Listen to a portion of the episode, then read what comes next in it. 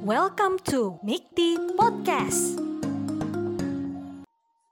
Baik, Assalamualaikum warahmatullahi wabarakatuh. Selamat malam teman-teman semua. Terima kasih banyak sudah hadir di acara webinar Mikti yang ke-12. Jadi di sini webinar Mikti yang ke-12, sebelum kita masuk atau kita mulai ke webinarnya, aku mau jelasin dulu sedikit dan mau perkenalan sedikit dulu. Kenalin nama aku Nabila Irsyaf, kalian bisa panggil aku aja Nabila. Dan aku di sini yang bakalan nemenin sampai akhir acara. So, jadi buat kalian di sini yang belum tahu tentang Mikti, aku mau jelasin sedikit kalau Mikti itu merupakan komunitas industri kreatif digital Indonesia yang bergerak pada wadah berkumpulnya untuk seluruh masyarakat yang berfokus pada perkembangan industri kreatif digital. Jadi buat teman-teman di sini yang lagi pada mau mengembangkan startup, itu bisa banget join bareng Mikti karena Mikti punya inkubasi virtual namanya Mikti Start. Terus, kalau misalkan teman-teman di sini ada yang juga pengen tahu lebih lanjut, bisa langsung aja follow sosial medianya Info Mikti atau langsung follow at Dunia Startup tentang Mikti Start. Jadi jangan tunggu apa-apa lagi, setelah selesai webinar langsung aja follow. Dan setelah itu, sebelum kita masuk nih, kalian kan udah tahu nih kira-kira Mikti siapa yang bakalan ngisi webinar kali ini dan narasumnya siapa. Jadi sebelum masuk, aku mau kasih tahu dulu kalau tema kita kali ini adalah tentang importance of design thinking in building a startup business. So, kalau buat kalian punya pertanyaan-pertanyaan tentang seputar design thinking, atau mungkin ada yang mau ditanyain juga buat kakak-kakak Froyonionnya, bisa langsung aja di kolom komentar ditulis kalau misalkan pengen on cam, jangan lupa pakai icon angkat tangan dulu biar nanti bisa aku lihat dan aku tunjuk siapa yang bisa buat on cam dan nanya langsung. Gak usah nunggu lama-lama lagi, kita bisa langsung aja dengerin dan kita sambut. Ini dia, ada Kak Aswin dan Kak Mario dari Froyonian.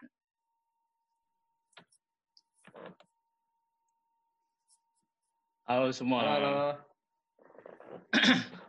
Halo. Halo, halo. Jadi gimana nih, Swin? Mulai nih. Boleh, perkenalan Oke. dulu mungkin ke kakaknya. Oke, ya udah udah. Coba kita uh, langsung share screen aja berarti ya. Boleh. Oke. Sen, bro. Iya, terima kasih. Selamat malam semuanya. Terima kasih sudah bergabung di webinar kita bersama Mikti. Hmm. Jadi pada malam hari ini gue sama Mario ingin uh, sharing, Sharing sharing, sharing tentang uh, pentingnya bagaimana kita tuh menggunakan design thinking uh, ketika membangun sebuah startup bisnis gitu. Yoi. Meskipun gini ya, untuk disclaimer kita uh, di Froyonion sendiri bukan sebagai yang punya-punya. Jadi penjelasannya adalah, halo gue Aswin, Dan gue Mario. gue uh, lulusan industri desain produk dari ITS Hmm. 2014 sampai 2019 dan gue di Froyonion sebagai visual storyteller, aka video editor, aka podcaster, aka yang uh, megang merch merchan lah. Oke, sok Gitu. sibuk berarti ya ceritanya ya. Iya. Tuh, sok sibuk. Setelah kalau misalnya kenalin, gue Mario. Eh kalau gue misalnya tadi Aswin lulusan ITS, gue dari Bandung, dari ITHB, eh, angkatan 2014. Kalau misalnya gue sebagai di Frenion tuh sebagai apa? Eh, video editor, cuman sekarang lebih fokus ke sebagai brand planner sih. Jadi katakanlah mungkin bikin konsep atau apa pun yang berhubungan sama produksi brand. Yap. Gitu. Oke, sebenarnya gini, malam ini gue pengen sama Mario tuh sharing tentang uh, karena kita ngomongnya tentang design thinking dan uh, bis, membangun sebuah bisnis, Hmm. pendekatan kita sebagai seorang desainer, khususnya gue sama Mario kan nih sarjana desain nih, Hmm. hitungannya bachelor degree lah. Jadi lebih pendekatannya lebih secara kreatif kali ya. Betul, Bukan betul. secara yang benar pure bisnis gitu. Yap. Betul. Oke. Nah, ini sebenarnya gue sama Mario pengen sharing bener-bener personal dari kita masing-masing. Pertama dari gue. Jadi di tahun 2013 sebelum masuk kuliah, eh ya sebelum masuk kuliah, gue udah ditarik sama senior gue tuh untuk membuat sebuah production house. Uh, namanya ada People Film di Surabaya kayak gitu. Hmm. Terus ternyata nggak work, di mana gue di situ belum ngerti cara, uh, anjir gue capek-capek ngerekam dibayar segini. Akhirnya gue merasa, ah keluarlah, gue nggak paham apa itu bisnis bullshit dengan bisnis bisnis kayak gitu. Terus masuklah di tahun 2015, gue mau nangkep Sorry itu di mute dulu guys. Karena kan santai sih, kan santai. Ya itu di tahun 2015 atau 2016, gue sama teman-teman gue mengikuti sebuah lomba video yang diadain sama salah satu perusahaan swasta di Jakarta, dan kita menang tuh juara tiga. Akhirnya di situ kita mikir, anjir ini kayaknya kalau kita bikin sebuah rumah produksi bisa nih dicuanin kayak gitu. Hmm. Setelah berjalan berjalan berjalan, akhirnya kalau ditanya lancar, nggak Belum. nggak lancar. Cuman ya eh, gitulah. Intinya setiap orang pasti pengen bikin sebuah ibaratnya kayak anjir gue pengen deh eh, membuat sebuah bisnis yang hitungannya itu buatan gue sendiri. Itu itu Hmm. visi gue kayak gitu. Karena menurut kita sebagai waktu itu kan masih ya apa ya kalau misalnya ngomongin soal sudut pandang mahasiswa desain kayak misalnya gue ada kafe dan Aswin itu desain produk Hmm. kita kan misalnya punya kelebihan dalam hal mungkin teknis editing fotografi dan videografi di mana waktu zaman zaman kuliah itu tuh menjadi salah satu acuan skill yang kayak wah ini keren Hmm, nih maksudnya iya. kan waktu zaman zaman itu fotografi dan videografi itu masih naik jadi kalau misalnya menurut kita sendiri adalah waktu orang apa ya secara mahasiswa yang udah dapat freelancer Mhm. udah dapat pemasukan di luar kampus itu misalnya kan di luar kampus udah dapat freelancer itu pasti kepikiran pengen ngebangun sesuatu yang lebih gitu entah itu tim lebih kecil atau Hmm. tim personal di mana kita berharap ini tuh bisa jadi gede nih Yap. dengan Hmm. video gitu oke. jadi makanya kita eh, berasumsi adalah kayak semua orang tuh sebenarnya pasti pengen punya bisnis lah bisa Nah. dikatakan bisnis kecil-kecilan sekali gitu kita Nah. pengen coba kalau itu tadi dari gue nih Hmm. Nah, kalau misalnya ngomongin soal bisnis kecil-kecilan yang pernah kita alami saat kuliah tuh udah pasti kebanyakan tiga. Pertama itu eh, event dokumenter. Kayak zaman-zaman kuliah tuh mungkin kayak nge-shoot Sweet Seventeen Yoi. atau kayak prewed difoto-fotoin, video-video yang katakanlah lebih ke event lah, ke event lah antara wedding atau enggak eh, kayak Sweet Seventeen gituan. Terus lama-lama juga mulai muncul kayak oh kita bikin video production nih gitu, Hmm, kayak hmm. bener-bener keren, bikin film pendek untuk dikompetisiin Yep. atau enggak emang bener kayak ada yang oh gue pengen bikinin company profile dong gitu. Ya, ya. Soalnya kan sebagai mahasiswa menurut gue nggak menutup kemungkinan di mana lu bisa dapat komersial project gitu karena Hmm. banyak brand atau banyak orang-orangnya butuh jasanya lu tuh kebanyakan sebenarnya mahasiswa karena mungkin Yep. kalau misalnya dibilang katakanlah pasar mungkin harganya lebih rendah daripada profesional Mm-mm. tapi itu juga nggak ya kita sebagai mahasiswa juga kayak ya udah aja Yep. mumpung ada kesempatan kenapa nggak buat belajar kan katakanlah kayak gitu dan hitungannya kita kayak udah nyemplung ke uh, ada rasa kayak anjir gue udah masuk ke industri kreatif nih udah masuk Mm. ke secara industrial gue Mm. dibayar secara secara profesional kayak gitu Iya, jadi ada banyak komersial project juga waktu Hmm. itu. Kayak misalnya waktu itu gue sempat ngambil komersial project nasional juga dari pemerintah Cimahi. Hmm. Dan waktu gue dapet itu secara pribadi itu kayak, wah ini sukses nih Swin. Kayak menurut gue ini bisa jalan yang lancar lah gitu buat ke depannya ya. Kita punya tim sendiri, Ya. as misalnya produksi house dan lain-lain. Tapi bukan PH yang bener-bener PH ya. Kayak Ya, PH-PHan lah gitu. Kayak kolektif dari semua mahasiswa Hmm. dan dari dengan si segi-segi apa ya eh, pemasukan segmen yang banyak ini kayak dapat event, dapat video production komersial, Hmm. kita positif ini tuh bakal jalan gitu. Mungkin, Dan- mungkin bisa jadi startup lah gitu, startup Nah. bisnis produksi. Cuman masalahnya adalah kayak apakah itu lancar sih? iya Iya sih? Masalahnya kan itu kan, apakah ini Hmm. selamanya itu bakal lancar? Yep. Apakah selamanya lu bakal dapat klien? Hmm, Apakah hmm. selamanya lu tuh bakal sustain sama tim lu yang mungkin segitu aja gitu kan?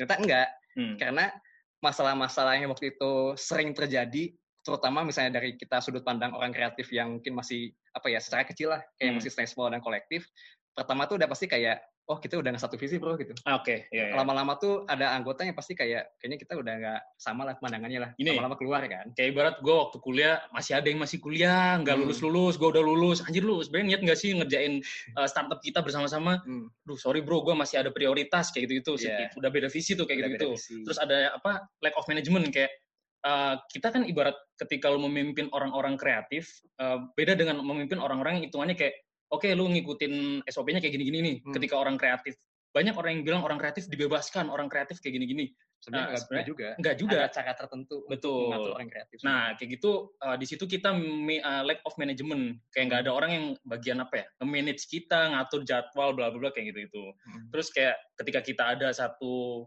fase di mana anjir lah ternyata yang kita Gagal bikin gitu ya. gagal.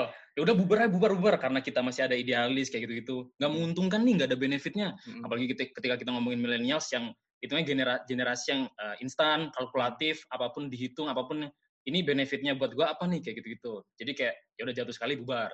Dan yang paling terakhir biasanya adalah ya bad marketing gitu. Ketika visi udah sama, manajemen udah bagus, terus kayak kita tahan banting, tapi kita nggak tahu tuh cara jualannya gimana. karena menurut gua itu permasalahan yang mungkin harus diselesain juga sih buat katakanlah mahasiswa-mahasiswa atau orang-orang yang bisa menghasilkan penghasilan Mm-mm. dari kreatif itu tuh mungkin orang lebih terpaku kayak gini Swin kayak ya gue mah desain aja gitu gue Ya, nggak ya. perlu mikirin bisnisnya Hmm. gue nggak perlu mikirin marketingnya padahal sebenarnya desain tuh nggak selamanya tentang visual Betul. kayak gitu kan betul. sebenarnya lu butuh tahu cara marketingnya bener juga loh cara jualnya kayak gimana biar Ya. itu bisa sustain Ya. dan itu sana- nah, menurut kita eh, ini tuh apa ya kayak masalah-masalah yang umum lah Hmm. yang bakal kalian temuin kalau misalnya kalian pengen bikin suatu startup katakanlah startup gitu. Karena jujur aja ketika kita ngomongin orang-orang kreatif, nggak jauh hanya dengan apa itu idealis gitu. Hmm. Ketika ah gua nggak mau lah ini udah amat laku nggak laku yang penting gue berkarya berkarya ya apakah bisa sustain Iya. apakah bisa bertahan kayak gitu gitu nah ntar kita akan bahas di slide selanjutnya Oke. Tapi masalah yang utamanya itu sebenarnya dari empat yang ini Hmm. ada satu Swin yang pasti kayak ada lah gitu momen-momennya. Hmm. Yaitu ini bro. oke iya iya Kayak benar stuck gitu kan. ya, ya, ya. Akhirnya waktu kita udah kumpul-kumpul, lama-lama mungkin kok proyekannya dapet ini doang nih. Hmm, kayak hmm, hmm. secara kebutuhan tuh kita mulai meningkat. Kayak Ah, oke. mungkin ada yang kepikiran kayak kayaknya kita butuh gear baru atau Hmm. mungkin kita butuh tenaga kerja baru dan Hmm. lain-lain. Tapi lama-lama tuh stuck gitu. ya ya ya ada mungkin pertanyaan yang mungkin menurut kita relate adalah kayak, aduh ini bikin apa lagi ya bro Hmm, gitu. hmm, hmm. Atau enggak lu ada ide baru lagi gak nih? Kita gini-gini aja. Terus kayak misalnya biar gak sama kayak yang lain gimana ya? Hmm. Karena ini juga salah satu masalah yang waktu gue alamin waktu gue kuliah juga yang gue bikin katakanlah kolektif produksi naskah gituan Hmm, hmm. itu lama-lama tuh banyak yang bikin kayak gitu juga Hmm. di berbagai kampus nggak harus kampus sih kayak banyak kolektif orang-orang yang ayo kita bikin untuk freelancer, freelancer kayak gitu kayak bikin PH juga Hmm, hmm. kayak ngeliput dokumenter juga dan lain-lain ini banyak nih itu jadi banyak saingan mungkin saingan sih Iya. ngomongnya kayak pasarnya Oh, makin banyak ini kita harus bikin beda nih dari yang lain nih gitu. apalagi waktu itu ketika kita tahu ah cuan dari wedding tuh wah lumayan juga nih lumayan cuman ketika kita dibenturkan dengan gue pengen inovasi bosen nih gini-gini terus gitu Hmm. ya itulah ya, kayak ujung-ujungnya ah ya udahlah ini stuck lah kayak bingung mau ngapain mau gitu ngapain kan lagi gitu kan Benar, intinya benar, inovasinya apa nih gitu Yap. kudu piye gitu kan Hmm. ya Nah. udah sebenarnya kalau ngomongin soal design thinking sendiri itu Hmm. nggak akan jauh dari mungkin kata inovasi Mhm. di mana kalau misalnya waktu itu kita baca-baca ada orang namanya Gaya Kawasaki tuh ngomong jump to the next curve Hmm. di mana lu kalau misalnya lu stuck lu tuh harus jump to the next curve bro. Mhm. katakanlah mungkin kalau misalnya ngomongin soal printer mungkin ada yang relate juga kayak printer kan zaman dulu masih itu ya kayak Um, titik-titik iya, gitu iya. kan. Mhm. lama-lama dia jump to next adalah tim printer tipe inkjet. Laser ya? Le- enggak yang inkjet itu oh iya iya, yang masih diinfus dan lain-lain. Oke iya sampai sekarang jadinya laser, laser itu tuh katakanlah itu yang dibilang jump to the next curve. Hmm, hmm, kayak hmm. misalnya lu sampai sa- sampai misalnya dulunya tetap aja gue pengen pakai printer yang inkjet Hmm, hmm. eh printer yang dot matrix itu yang Hmm. tik-tik-tik itu yang udah jadul banget Hmm. lu bakal tetap kalah sama yang udah Ya. end of lah, lu butuh inovasi lebih dan itu kayak banyak banget terjadi di brand-brand seperti yang kita tahu kayak Kodak. Hmm. Kodak sendiri tuh eh, kayak dia selalu menurut menurut gue nih eh, secara strategi bisnis dan kawan-kawannya dia mikir ah gue tetap pengen yang analog analog nih gue pengen tetap apa ya kayak ya ini udah menurut gue udah paling bagus udah Hmm. udah udah udah termutakhir lah kayak gitu gitu cuman emang, ya emang waktu itu emang pada zamannya Kodak tuh kayak mungkin people apa ya people main itu Iya, pakai iya, iya. kamera ya Kodak Kodak. gitu emang Hmm, udah keren hmm. banget betul cuman betul. dia tuh kayak apa ya alasan dia kayak nggak mau jump to the next curve tuh malah jadi kayak ngempatiin perusahaan itu sendiri betul Yap. karena karena zaman sekarang tuh jadi gini masalahnya Kodak tuh adalah dia nggak pengen digitalisasi Hmm. dia pengen tetap stay analog aja gitu gue pengen punya masa sendiri ya udah analog aja Yoi. sementara yang kejadiannya sekarang adalah orang-orang tuh udah mulai pakai kamera digital DSLR DSLR dan lain-lain. Di mana kayak ya lu mau harus mau nggak mau adaptasi dong. Kayak pasar lu udah mulai berevolusi kalau misalnya lu gitu-gitu aja ya lu bakal mati juga. Oh iya iya. Kayak gitu kan. Gue gue keinget malah sama kayak yang kasusnya Nokia sih kayak waktu itu Hmm. Nokia mikir ah gue nggak mau nih pakai Android buat apa Iya. Android kayak gitu. Akhirnya eh, dulu Samsung pun ketika eh, oh iya sorry ketika waktu si Samsung itu mempertahankan Android akhirnya sama Nokia kan eh, ya Nokia jatuh gitu berarti langsung si Android ini Main, secara nggak kan? langsung misal gue pernah lihat waktu itu kayak kurva si ini grafisnya gitu grafiknya tiba-tiba Samsung tuh naik banget tuh. Iya. Padahal waktu zaman-zaman dulu, waktu Hmm. zaman-zaman kita katakanlah SMP, SMP enggak SD sih, SD SMP Iya, iya. itu Hmm. Nokia tuh udah jadi top mainnya kita lah, gitu HP tuh Handphone Nokia. Nokia. Samsung dan lain-lain tuh kayak ya secondary lah gitu kan. Tapi ternyata yang udah sustain keren banget Nokia itu bisa kalah sama suatu hal yang mungkin berupa inovasi. Tapi Nokia sekarang muncul meme-meme yang ini, yang nggak dibanting nggak pecah. Ya itu kan cuma nostalgia Oh, doang, iya, iya, kayak oke. gitu. Ini contoh keduanya adalah Ah. mungkin kalau misalnya ngomongin soal yang tadi kan brand luar Hmm. yang kayak oh Kodak nih. Iya. Tapi kalau misalnya zaman-zaman yang mungkin rada lokal dikit, pasti pernah ngeliat inilah waktu zaman-zaman kecil kan kayak ada Hmm. Rental namanya ya? rental DVD bro. Iya. Kayak rental DVD sama rental VCD itu dulu populer banget kayak Hmm. Mungkin gue tiap minggu pasti minjem beberapa, gue tonton, gue balikin lagi kan. Nah, cuman lama-lama juga justru kayak apa ya, kayak mungkin perusahaan jenis-jenis yang meminjamkan kayak gini juga bakal mati sekarang kan. Hmm. Sekarang kan mestinya ini udah nggak ada nih, bukan nggak ada sih, Ad- mungkin ada dikit, cuma udah nggak seramai dulu kan. Iya. Karena dia nggak jump to next curve lagi. Soalnya dia Oh. tergantikan sama Netflix. Hmm. Ya dong. Gue keinget yang ini nawarin ke Blockbuster malah. Iya, blockbuster juga gitu kan. Iya, iya, iya. Blockbuster kayak gitu. Soalnya kalau ngomongin soal ngomongin kayak sekarang, ini kan udah serba digitalisasi, Hmm. di mana waktu lu pengen nonton, waktu zaman-zaman kata DVD itu, Ya. lu harus jalan dulu, Hmm. lu harus keluar rumah, Hmm. lu harus kayak pilih-pilih yang mana ya, terus ada tenggang waktunya nih, kayak lu harus balikin mungkin seminggu atau tiga hari. Iya, iya. Sementara dengan dia Netflix tuh bikin inovasi yang kayak tadi, sebenarnya kan tujuannya sama, dia pengen me- apa ya, menginformasikan atau pengen nge-sharing soal Hmm. Ini hiburan lah, Platform entertainment lah ya. berupa uh, hiburan film gitu. Hmm. Cuman Netflix tuh ngasih lebih banyak kenyamanan. Yoi. Kayak lu nggak usah keluar rumah, Hmm. lu tinggal streaming doang. Paling langganan ya itu udah ada jatuh waktunya sebulan. Yoi. Jadi nggak nggak terlalu nggak terlalu ribet lah. Hmm. Orang-orang malah tergantikan sama Netflix sebenarnya. Nah, jadi kalau misalnya ngomongin soal tadi perusahaan-perusahaan atau contoh-contoh dari bisnis yang nggak mau jump to the next curve, Hmm. uh, di sini kita boleh tanya kalian nggak sih, kalau misalnya menurut kalian apa sih misalnya perusahaan yang menurut kalian tuh inovatif gitu? Boleh satu atau dua orang Yoi, nyalain mic-nya. ada yang mau? Boleh dinyalain mic-nya mungkin? Hmm, satu atau dua orang gitu. Kalau gue sih yuk mikir yang perusahaan yang inovatif, Proenio. Di sini ada yang jawab nih Kak di chat nih. Oh, sorry. Eh, katanya di chat ada yang jawab Gojek Oke. Oh, oke. Wibu dia jawab. Oke, ada, ada lagi Ada lagi? yang menurut kalian, wah ini, ini inovatif banget nih. Gitu. Mm-mm. Ini wah keren banget. Reunion. Yoi. Itu udah, itu tadi gimmick aja. Yang lain yang lain. Ruang guru katanya. Oke, ruang guru juga Yoi. cukup inovatif bro. Kalau ruang reka inovatif. nggak? Enggak itu. Maika, Maika, Maika. Kenapa? Maika. Maika, oh, oke. Ini studio ini ya. Desain ya di Jakarta. Di Jakarta. Oke, yaudah.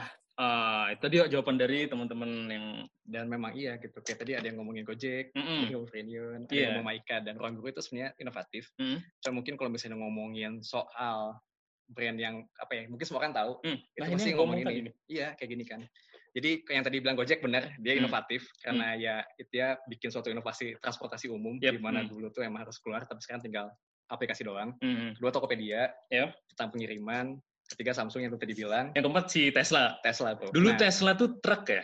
dia ini tuh sebenarnya model truk. Oke. Jadi, iya. Model mobil dia yang sekarang ini yang Hmm. kayak Cyberpunk ini tuh sebenarnya Hmm. model truk. Oke, oke. Dan kalau oke. misalnya lu pengen tahu adalah di Amerika itu eh, truk tuh menjadi suatu kendaraan yang cukup diminati. Hmm. Nggak kayak misalnya sekarang kan konotasi di Indonesia kan truk adalah ya udah tempat apa atau apa ya kendaraan buat barang lah. Mhm. Tapi di sana tuh ada nggak juga gitu. Makanya kan truk ada Mercedes dan Iya, lain-lain. iya, iya. iya, Cuman benar, di. Amerika tuh yang terkenal tuh Ford Hmm. sebagai truk, tapi sekarang ada Tesla. Ya. Nah, waktu orang yang udah punya truk Ford ini, Hmm. misalnya katakanlah truk Fordnya rusak lah, lu pengen nyoba, pengen sih lu pengen ganti yang baru kan? Hmm. Lu punya dua pilihan jadinya sejak sejak si Tesla ini ngeluarin Oke.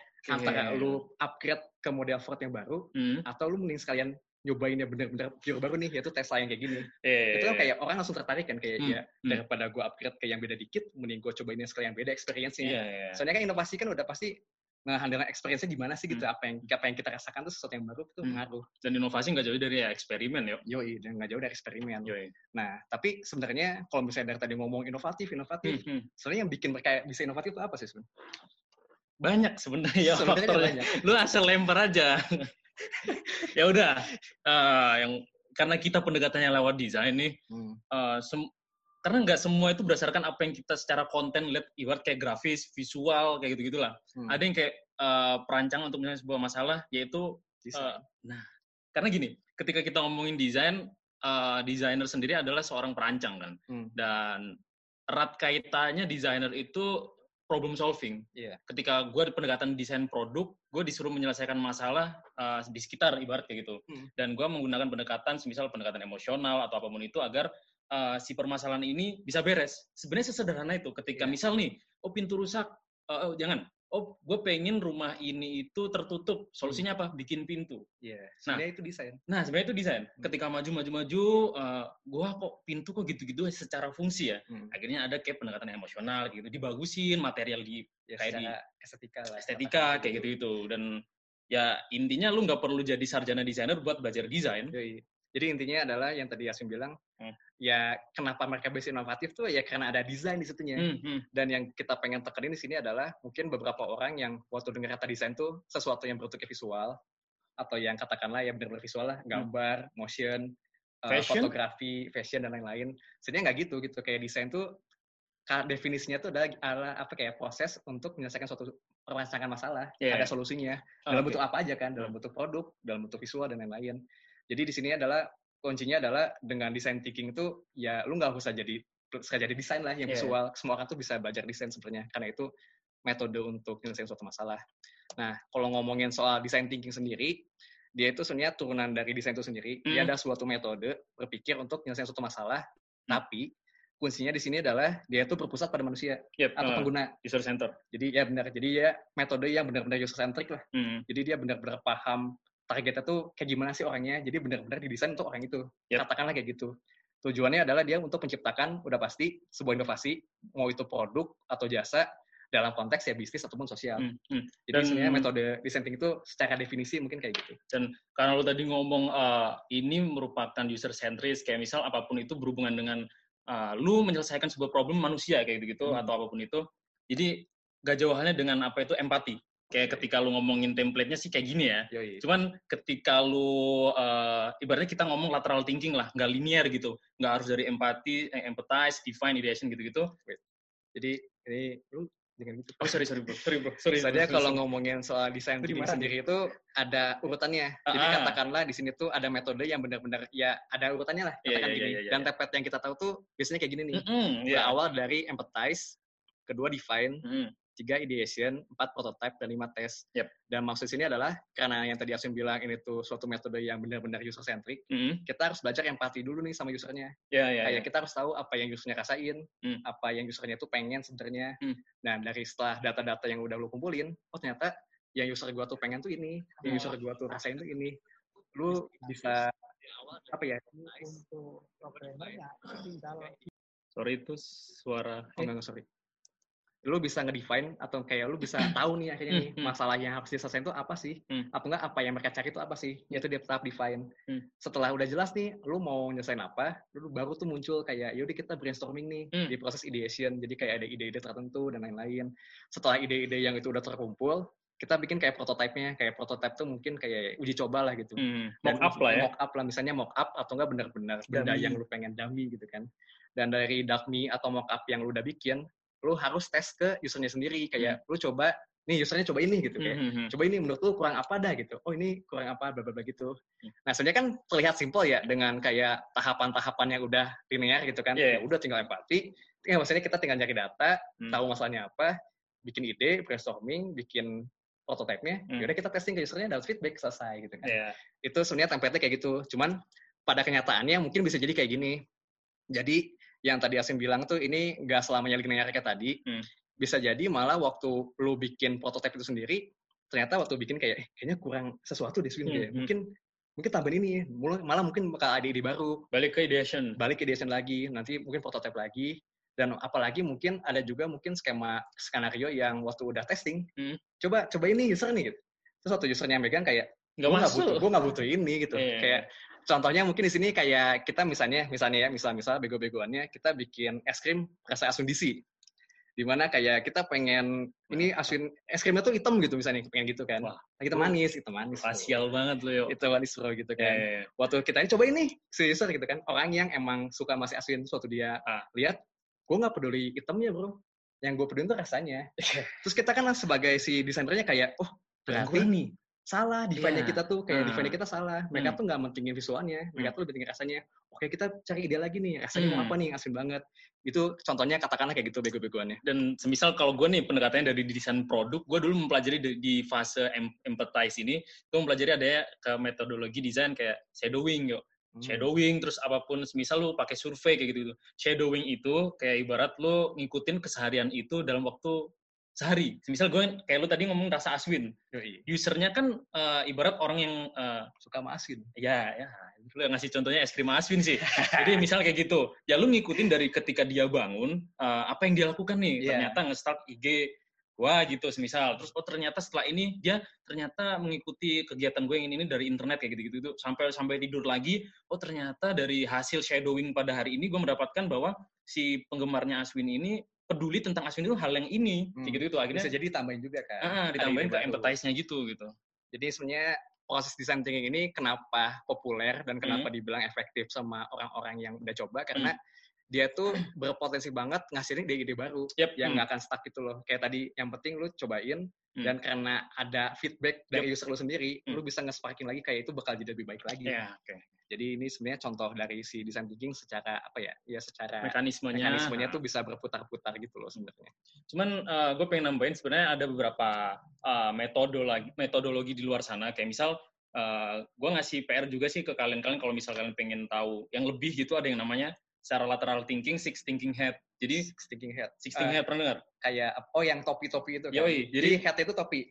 Six thinking head itu kayak ibarat ada pemeran-pemeran yang uh, misal nih dalam sebuah tim uh, misal lu mendesain sesuatu jarang banget uh, lu men- men- mendesain sendirian kan Iya. karena pasti akan ribet dan uh, mekanismenya akan susah kayak gitu six thinking head ini memudahkan lu untuk ngerti apa misal topi biru tuh tentang proses topi hitam itu negatifnya apa nih kalau kita ketika kita bikin itu topi merah itu ternyata uh, secara ide ya bla bla kayak gitu gitu jadi itu cukup memudahkan lu untuk menemukan ide-ide lain mungkin cara lain selain design thinking cuman Hmm. pada uh, case ini kita mau ngomongin lebih dalam tentang design thinking gitu. Itu insight baru berarti. Yo, ada tambahan. Nah, Sebenarnya kalau ngomongin soal desain produk desain thinking nih, Yep.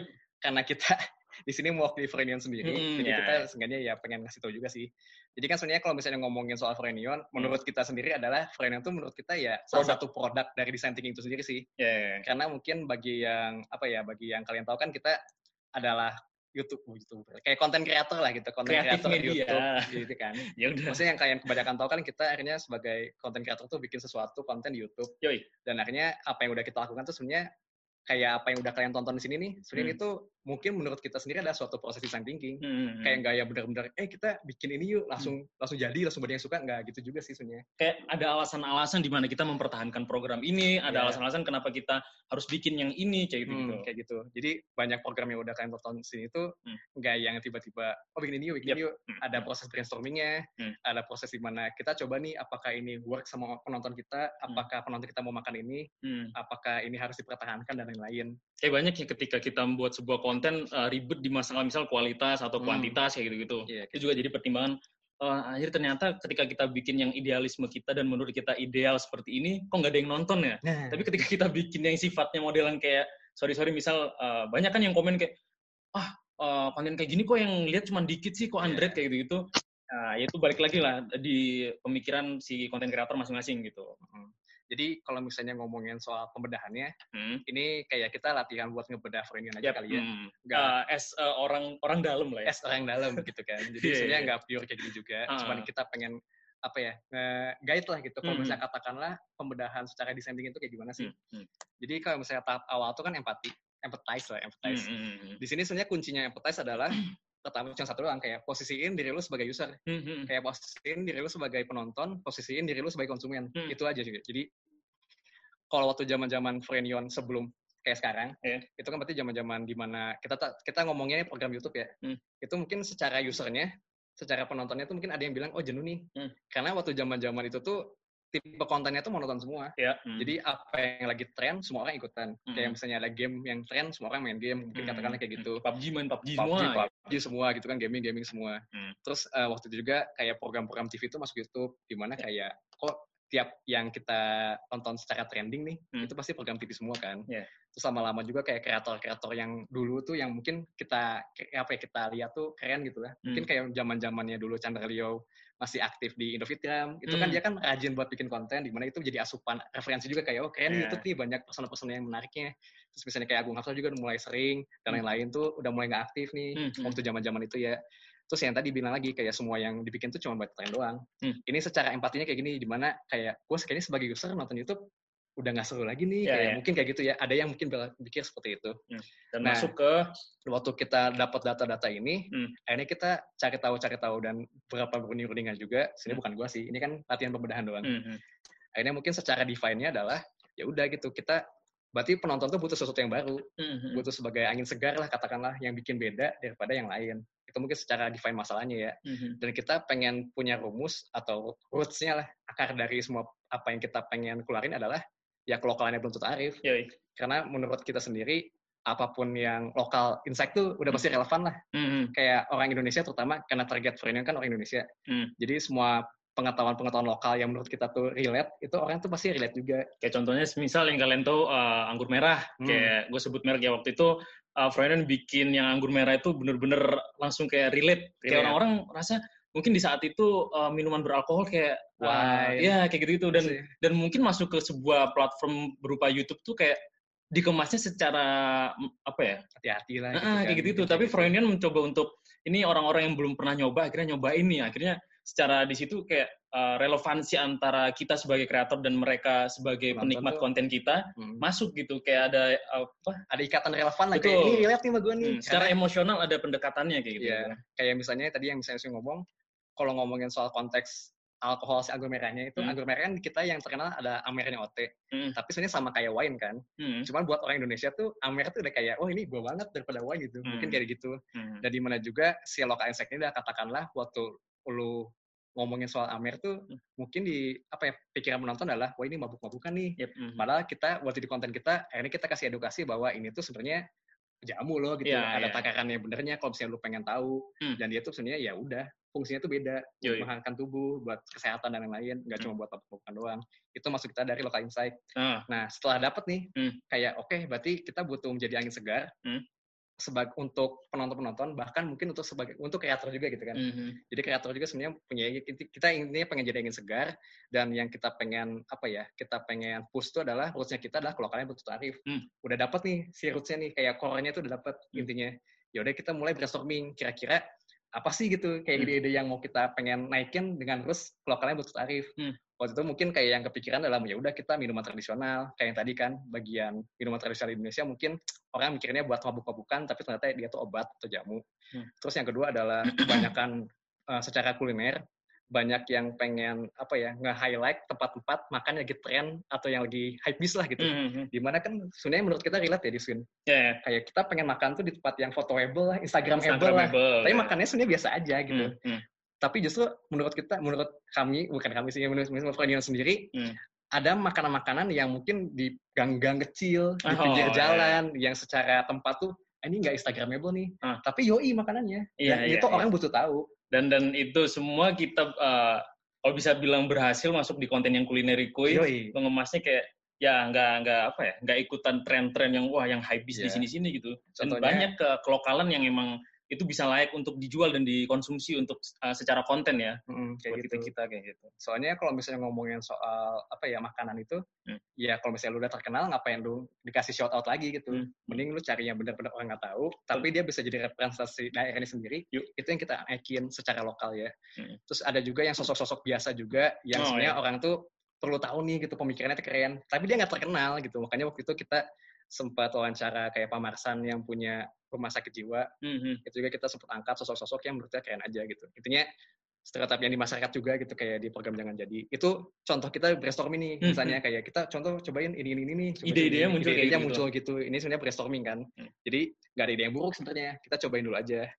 Dan waktu kita akhirnya bikin proses prototype, Hmm. ya itu kan kita ya udahlah cobain nih, kita produce, kita upload, Hmm. feedbacknya gimana nih. Hmm. Ternyata dari penonton juga banyak yang, oh ternyata ada yang oke, ada yang enggak. Ya. Ya kan? Kayak misalnya si Lola Zeta ini yang dia sebenarnya kayak di mata orang, wah ini grafer nih itu nggak baik nih, kayak masa dia Hmm, berani foto-foto buat- seksi ya Iya, kayak berani membuat apa ya memperlihatkan sisi vulgarnya dia. Mm. Buat apa sih gitu? Ternyata waktu kita interview, kita dapat sudut pandang baru nih kayak oh, ternyata nggak gitu juga ya. Dan anggur merah juga yang tadi kita ngomongin sama kunerko yang tadi kita udah jelasin juga pengen ngangkat sih daerah-daerahnya. Mm. Ya udah, akhirnya waktu kita testing testing lagi, maksudnya kan dari konten-konten yang tadi kita bikin, kita sebenarnya prototype nih waktu awal-awal ya, Hmm. apakah ini works atau enggak. Akhirnya setelah banyak feedbacknya itu, itu bisa membuat kita jadi lebih baik oh yang paham akhirnya kita bisa kolaborasi sama Vice waktu itu Iya. kita bisa ngundang Vice waktu itu juga kayak di jangan jadi hidup di masa depan ini kita kolaborasi sama Netflix yang soal ID juga kita bisa kolaborasi sama Levi's di mana oh ternyata kayak dengan program yang kayak kita kasih sesuatu kita lempar ke penonton, penonton ngasih feedback, oh ternyata kita kurang ini, kurang ini, kurang ini, Hmm. diperbaiki lagi sampai dapat formula tertentu, ini malah bisa jadi opportunity atau kesempatan buat collab sama brand Hmm, atau hmm, hmm. kreator lain, katakanlah kayak gitu. Itu sebenarnya design thinking kayak bagusnya gitu lah sebenarnya kayak gitu. Ada testingnya juga. Nah, cuman kayak ketika Mario tadi ngomongin tentang masalah uh, ketika kita bikin konten, apakah semuanya ide itu terlaksana dengan baik? Apakah itu bisa sustain? Apakah secara konsisten kita bisa bikin? Juga. gitu? Nggak juga kan? Ternyata banyak dari program-program kita, bahkan sebelum gue masuk ke kantor gue yang sekarang ini, kayak ada beberapa konten yang nggak lanjut gitu. Kayak contohnya misal bongkar, terus Hmm. kayak bikin-bikin film yang ini, terus yang apa nih nama ininya? Uh, tukang spoiler. Token spoiler kayak gitu itu nggak ternyata nggak bisa ber- berjalan Nggak secara sustain kayak gitu-gitu. Hmm, Karena waktu kita, ini kan sebenarnya prototipe Hmm. kita mau bikin, terus waktu kita testing, eh, lama-lama kayak, oh ternyata dari segi misalnya penontonnya nggak jarang nih, jarang Hmm. dilihat dan lain-lain. Terus dari segi eh, apa ya, kayaknya ini susah nih kelanjutannya kalau misalnya kita pengen bikin-bikin terus kayak Hmm. kayak kehabisan apa ya bahan untuk jadiin ide juga. Jadi ya udah daripada kita buang-buang katakanlah effort apa pun itu, mending kita hold aja atau enggak kita ya udah buang aja sih gitu. Yap. Hmm. Mending kita fokus ke apa yang sebenarnya works Hmm, hmm, jadi tadi yang aku bilang, apa yang tadi kita bilang, misalnya proses prototype itu tes, ada yang berhasil, ada yang enggak, kita juga sebenarnya ngalamin banyak yang enggak juga kok gitu. Berarti kalau misalnya kita membuat sebuah produk itu produk reject lah. produk kayak reject gitu. lah katanya gitu. Jadi nggak semuanya ceritanya tentang Hmm. hal-hal yang sukses doang. Yep. Ada banyak yang bisa kita buang juga. Hmm, tidak terasa sudah 45 menit ya. Lah, Sorry. oh lah. Tuh, apa tuh? Eh, Oke, ya nggak apa-apa sih. Ya udah nggak usah. Sampai sampai sampai ini ya katakanlah dengan si desain thinking ini kita Hmm. udah memperkuat sisi konten dan lama-lama bisa spreading juga sih. Oh kayak ya ya ya. apa ya mengembangkan ke ha- tahap-tahap lainnya lah. Soalnya kan dari secara kontennya kita udah kita bisa bilang kita udah cukup sustain nih, Hmm. udah cukup kuat. Ketika kita tadi ngomongin masalah tentang apa yang kita bikin secara audiovisual, Hmm. tapi lama-kelamaan akan merambah. Misal kayak gue sekarang megang merchnya Froynion, Mm-mm. ternyata dari hasil kita membuat konten di YouTube, uh, oh orang-orang udah mulai relate nih, orang-orang udah secara emosional uh, attach nih sama kita. Mm-mm. Jadi di situlah apa kayak ada pemikiran, hmm kita bisa nih mengembangkan dengan model bisnis lain gitu, bisa kita Yeah. menjual sebuah produknya nggak nggak cuman apa yang kita bilang tuh sebuah konten visual, tapi bisa produknya berbentuk produk fisik gitu. Jadi nggak stuck karena Yap. itu emang ada proses Hmm. juga kan. Ah. Dari konten mungkin udah dari konten mungkin tujuannya adalah kita bikin sustainable apa ya orang-orang yang mungkin Hmm. attach sama kita. Ah. Terus dari turunan lagi mungkin kita bisa dapat merch dan Hmm. lain-lain. dan, dan gak cuman merch yo. Hmm, kayak- podcast juga. Ah, nyambung ke media yang sekarang lagi seksi banget nih, media audio, di mana uh, gue sama temen gue Frankie di Froenion uh, sebagai host di sini dan itu cukup apa ya ketika gue pertama skeptis sih Hmm. oh ya udah kita cukup orang-orang tuh pengen lihat visualnya Froenion gitu karena Hmm. gue merasa waktu itu Froenion menjual visual ya kayak uh, apa yang bisa dijual dari audio ketika kuatnya kita di visual. Nah, tapi setelah uh, berjalannya waktu, gua sama Frankie merasakan, oh ternyata dari podcast sendiri itu mendatangkan beberapa uh, audiens baru. audiens baru. Kayak ternyata dulu tuh Froynion kayak penonton-penontonnya kurang lebih anak-anak DKV cowok-cowok, Cowok. anak-anak artsy, indie. Dan ternyata ketika broadcast muncul, banyak kita meng- menggunakan apa ya, rumus-rumus baru, formula-formula baru kayak Sobat Pena, terus temuan mingguan, yang itu hitungannya juga prototype, terus tiba-tiba yang berhasil seperti ini nih. Hmm. Dan itu mendatangkan uh, beberapa audiens dari cewek-cewek kayak gitu-gitu. Oke. Nah, uh, langsung masuk ke bedah-bedah menurut analisa. Kami aja. Ya udah, namanya juga latihan ya. Yoi, namanya juga latihan. Misalnya Ah. tadi yang ngomong Gojek, Nah, itu kita udah pasti inovasi transportasi umum. kita coba ini ya, mempercepat presentasi ya, karena ini cukup panjang. Ya, ini sebenarnya buat latihan dong sih. Katakanlah Hmm. kita pengen ngebedah soal Gojek. Soalnya kan semua orang udah pasti tahu Gojek. Uh, bentar dulu, uh, mau nanya ke Nabila, ada kurang berapa menit lagi nih kita? Nggak apa-apa kok, Kak, masih bisa. Nggak apa ya? Yaudah. Iya. Masuk ke Gojek Inovasi Transportasi Umum. Soalnya kalau tadi kita udah ngeliat Neon, Hmm. kita pengen ngebedah yang semua orang mungkin udah tahu dan pernah nyoba. Karena kan Hmm. Gojek udah pasti kebanyakan orang udah pasti download dan nyoba kan. Hmm. Nah, pertama kalau misalnya ngomongin soal ngomongin Gojek, kita harus explain dulu nih, Hmm. kayak lapangannya itu kayak gimana sih? Soalnya kan Gojek ada inovasi transportasi umum. Dan misalnya di dua gambar ini adalah tipe-tipe contoh transportasi umum nih. Hmm. Hmm. Pertama ada bus sama angkot. Nah, kelebihannya mereka tuh udah pasti cepat dan murah gitu kan. Dan masih terjangkau, paling cuma 3.500, angkot juga 2.000 atau 3.000. Hmm. Tapi minusnya mereka adalah mereka tuh drop off-nya tuh nggak detail. Ya, ya. Ya kan, mereka benar-benar route center, jadi kayak ya udah kayak rutenya tuh segitu, Sistem sistemnya trayek. rute ya sistem trayek kan. Mm. Jadi lu nggak bisa turun di titik yang akurat banget lo pengen Mm, turun, mm, mm. lu harus nyesuaiin sama rutenya mereka. Dan kadang-kadang juga lack of convenience kayak Mm. apa yang nggak nyaman, Yap. suka panas dan lain kan. Oh. Nah, Di sisi lain adalah Ya. ada dua ini. Pertama beca yang standing sama ojek. Stand. Harus standing bro, Ya biar, udah. biar menjual. Gitu kan. Nah, Nah, si kelebihan mereka adalah di, sama, mereka juga relatifnya cepat tergantung dari orangnya kalau beca kan tergantung si emasnya kuat atau enggak kalau Hmm. misalnya ojek udah pasti cepat tapi kelebihan dari antara si gojek eh si ojek ini sama bus sama angkot Hmm. dia tuh detail drop off nih ya, bisa ya. sesuai sama yang kita pengen di kayak depan gua rumah pengen- pas nih. yoi bisa kayak gitu Hmm. cuman kekurangan mereka adalah harganya kadang-kadang nembak Hmm. tergantung mood kayak gitu kan tergantung mood kalau misalnya si mang becanya standing Hmm. itu ada tambahan biaya entertaining tuh Nah, misalnya tuh dan- nembak Dan misal ketika lu ngeliat ojek dari dulu udah ada yang namanya pangkalan ojek, ada yang Iya. pangkalan becak kayak gitu. Jadi, Jadi- kita nggak bisa uh, ibaratnya order uh, uh, yang sana nih yang ke sini gitu. Iya. Kayak ibarat orang tuh jemput bola gitu, tapi Hmm. kita yang jadi bolanya, kita yang malah yang ke sana gitu. ya kayak gitu. Nah, kalau ngomongin soal empati dari si ojek sendiri, kayak Hmm. tadi, misalnya nanya-nanya nih, apa sih waktu lu apa yang cobain transportasi umum, Hmm. yang, lu, yang lu rasain tuh apa? Ada yang ngomong kayak panas, Ini ibarat kita survei ya ke orang-orang ya. yoi, kayak lama nih nunggunya nih. Soalnya waktu nunggu angkot kayak, kok nggak datang-datang Hmm. ya? Hmm. Capek nih, panas, penuh, dan lain-lain. Kaget harganya mahal, dan tadi Hmm. lah, gitu ya, katakanlah kayak gitu. Sebenarnya, kalau ngomongin soal define itu apa, ternyata masalahnya itu apa sih yang kita pengen sampaikan ke si solusinya? Hmm.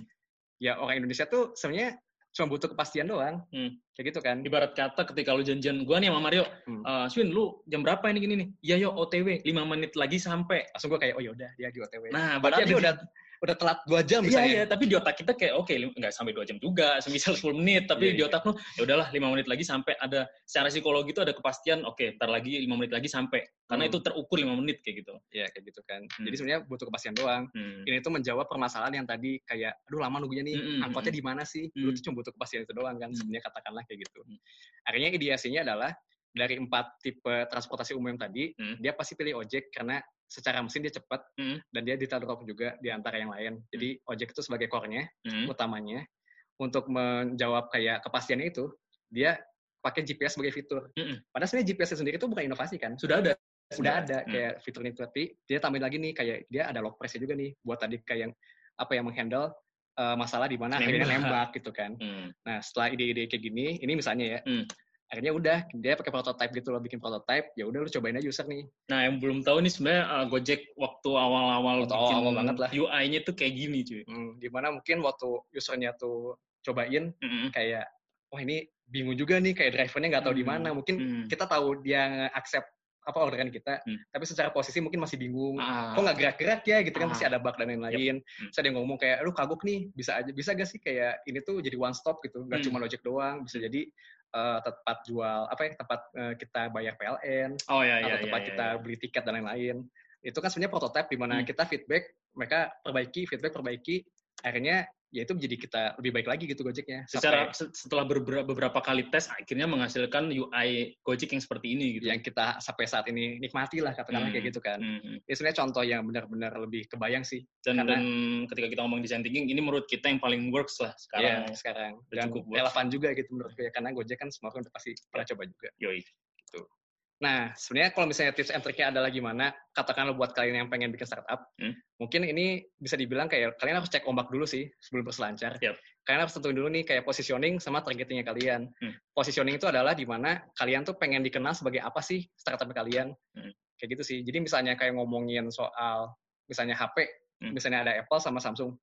Positioning Apple kan misalnya orang tuh waktu tahu Apple kata Apple tuh kayak, wah ini mahal nih gitu. Hmm. Derajat gua naik kalau misalnya pakai Apple Boba ya. boba gitu kan. Sementara kalau misalnya positioningnya Samsung mungkin lebih ke anak muda-muda yang apa ya, apa ya, yang suka Iya, explore lah, iya, ekspresif iya. lah. Hmm. Makanya kan tampilannya bisa benar-benar di obak-abrik terserah kita kan, Hmm. lebih customize gitu.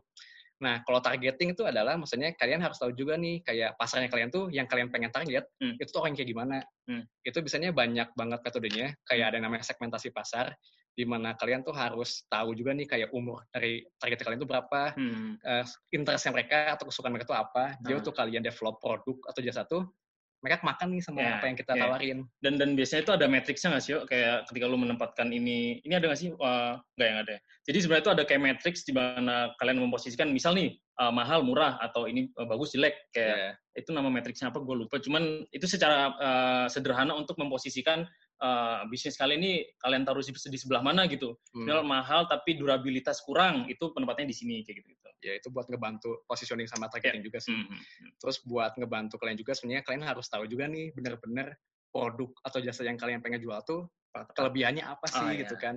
Itu namanya marketing mix, misalnya kalian pengen coba apa ya, belajar atau apa pun itu. Iya. Cuman itu di luar design thinking, jadi kita nggak terlalu masukin. Hmm. Terus tips and trick kedua adalah kalau ngomongin soal design thinking, Hmm. itu kebanyakan orang mungkin dari yang tadi kita udah jelasin contohnya, Hmm. oh berarti kita harus menciptakan suatu ide yang inovatif. Hmm. Sebenarnya nggak juga gitu, karena kan itu sebagai metode yang intinya buat nge-generate ide. Hmm. Kadang-kadang ada orang yang kayak, kan harus tahu dulu nih kebutuhan kalian tuh apa.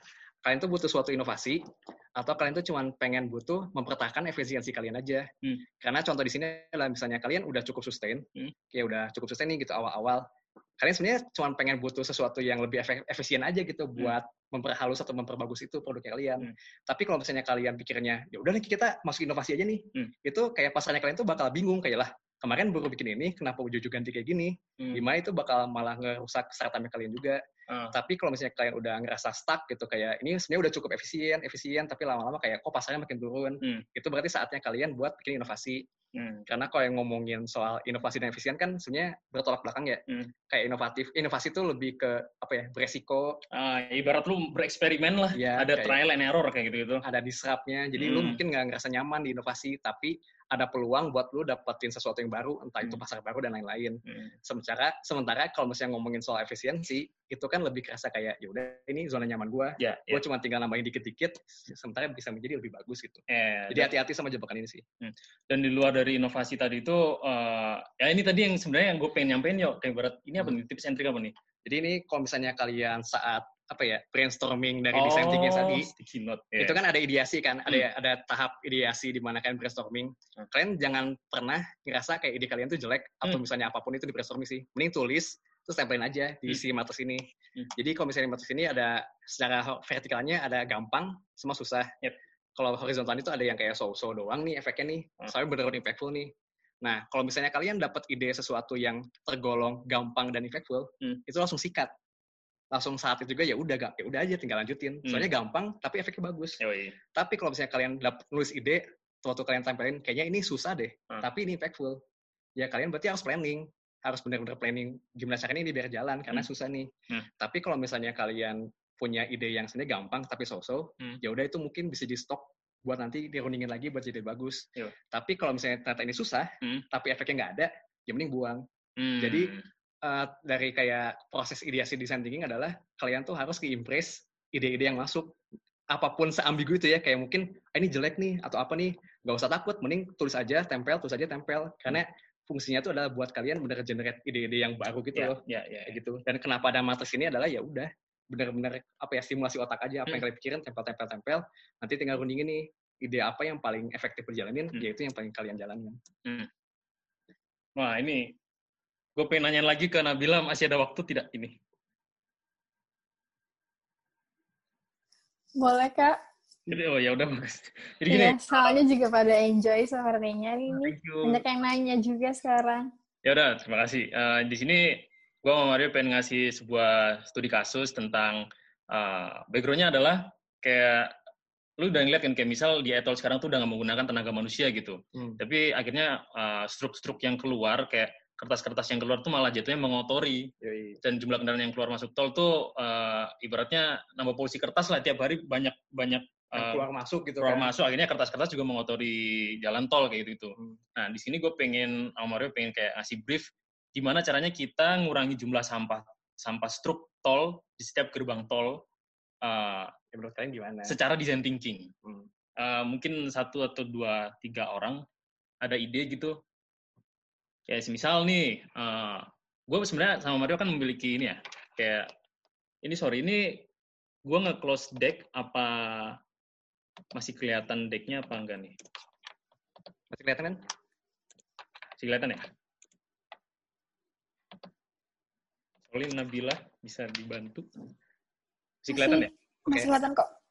ada ide gak Ada ide nggak eh, biar interaktif aja ini? Kalau Ini udah banyak yang jawab kak. Oke. ini sorry banget kita nggak bisa ngeliat chatnya. Iya.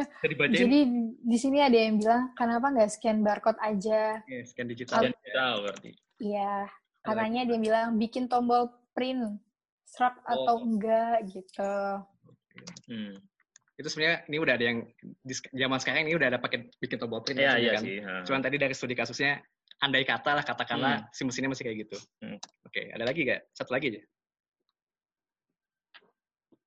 Mungkin teman-teman yang mau on cam juga boleh. Gue waktu itu pernah ngobrol, Buat sama dia, yuk opening. gimana kalau misalnya kita berso, apa sosialisasi gitu. Sosialisasi bro. Sosialisasi kan gue tahu nih pengendara uh, yang menggunakan tol tuh pasti usianya di atas mungkin di atas uh, 18 ke atas lah apalagi kalau misal ketika lu ngomong uh, driver driver Grab atau kalau gue sering lihat tuh secara uh, apa ya gue memperhatikan tuh yang lewat-lewat situ paling driver driver Grab atau Hmm. mungkin driver truk Hmm. atau apa pun itu yang uh, butuh struk secara apa ya fisik secara fisik untuk di reimburse kayak kayak gitu Oke. jadi gue misal kayak menolak kenapa gue nggak mau nih scan digital atau apa pun itu karena susah untuk di reimburse ketika lu ngomongin uh, Lanjut. Ketika lu ngomongin uh, usia di atas 60 tahun gitu Oke. secara digital susah kayak gitu ada lagi mungkin ide uh, ide dari kalian Ada yang bilang katanya pakai email. oke Kayak Grab gitu kalau misalkan ngirim Oke, Oke ya. Mungkin cukup sampai sini. Hmm. Di sini mungkin apa ya? Kita happy-nya adalah Hmm. lumayan lumayan lumayan kepikiran lah gitu. Hmm. Maksudnya kalian pin- bukan pintar sih maksudnya kayak apa ya? Ya emang berpikir efisien gitu. Kenapa ada teknologi, kenapa nggak dipakai? ya. Cuman di sini adalah mungkin secara konsep adalah dari semua yang kalian omongin adalah itu langsung ke ideasi semua nih, Hmm, hmm, ya kan?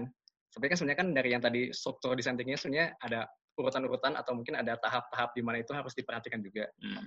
Jadi kalau misalnya tadi ngomongin soal yang Aswin ngomong, kan tadi dia bilang kan eh, itu ya mungkin orang-orang yang keluar masuk tol itu adalah orang-orang yang kayak supir truk Hmm, hmm. atau bisnismen yang sibuk banget nih yang kayak mobilitas tinggi nih. mobilitas tinggi nih gitu kan. Itu mungkin harus dimasukin ke empati juga empat empathize.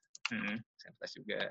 Nah di sini kan jadi apa ya kita dapat data nih kayak ternyata targetnya kalian tuh adalah orang-orang yang kayak eh, misalnya supir sama kayak apa ya bisnismen Hmm. busi ya bisnismen lah gitu bisnismen sama tadi apa driver ya Ah, Kayak driver driver kan. supir bosku oh betul sorry sorry ya udah supir sama bisnismen katakan supir sama bisnismen yang benar-benar sering banget buat jalan tol nih kayak Hmm. gitu nah kira-kira kalau misalnya lu jadi supir sama bisnismen Hmm. lu tuh ngerasain apa sih waktu ngeliatin kayak misalnya nge-scan Hmm. tuh butuhnya apa Hmm, hmm, hmm. kan misalnya secara supir Hmm. itu kayak katakanlah ada namanya reimburse Hmm, ya hmm, kan di mana lu butuh bukti transaksi itu biasanya biar diganti gitu katakanlah Hmm. kayak gitu intinya lu butuh bukti perjalanan doang sih jadi di sini mungkin kayak ada apa ya sorry ada kebutuhan nih ternyata nih dari empatinya kayak gue tuh ngambil itu tuh sebenarnya butuh bukti gitu butuh bukti transaksi hmm, hmm, hmm. kayak gue butuh bukti apa pun Hmm. ngapain gue ambil Yep, hmm, makanya hmm. kenapa di sini akhirnya sampahnya ke mana-mana kan Ya, ya, ya. katakanlah mungkin kayak gitu ya. Ini kita cuma contoh sedikit doang. Butuh bukti transaksi nih.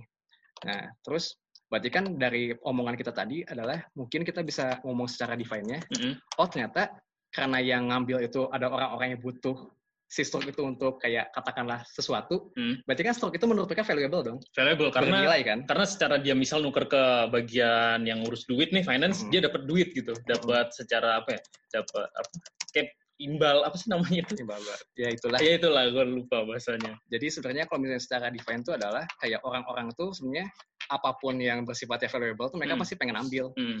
Nah, gimana caranya berarti secara desain ini adalah bikin stroke itu tuh valuable Hmm. buat semua orang. Yap. Soalnya kalau misalnya secara empatis ini kan yang menurut kita si stroke itu bakal ambil ada ya Hmm. paling supir yang pengen itu reimburse buat Hmm, kantornya hmm, kan. hmm, Ya, masa gue pakai uang gue buat jalan-jalan Hmm. atau mungkin kayak bisnismen yang kayak keluar kota yang mungkin bakal disupport kantor juga gitu. Hmm. Hmm. Gue ambil stroke karena valuable. Tapi orang-orang lain selain apa ya buat kebutuhan reimburse dan lain-lain tuh mereka nggak butuh stroke itu karena Hmm. sampah cuy gitu kan. iya ngotor-ngotorin Nah, jadi di situ adalah kita pengen yang si define adalah ya udah kita pengen bikin stroke itu valuable untuk semua orang. Hmm. Gimana caranya itu?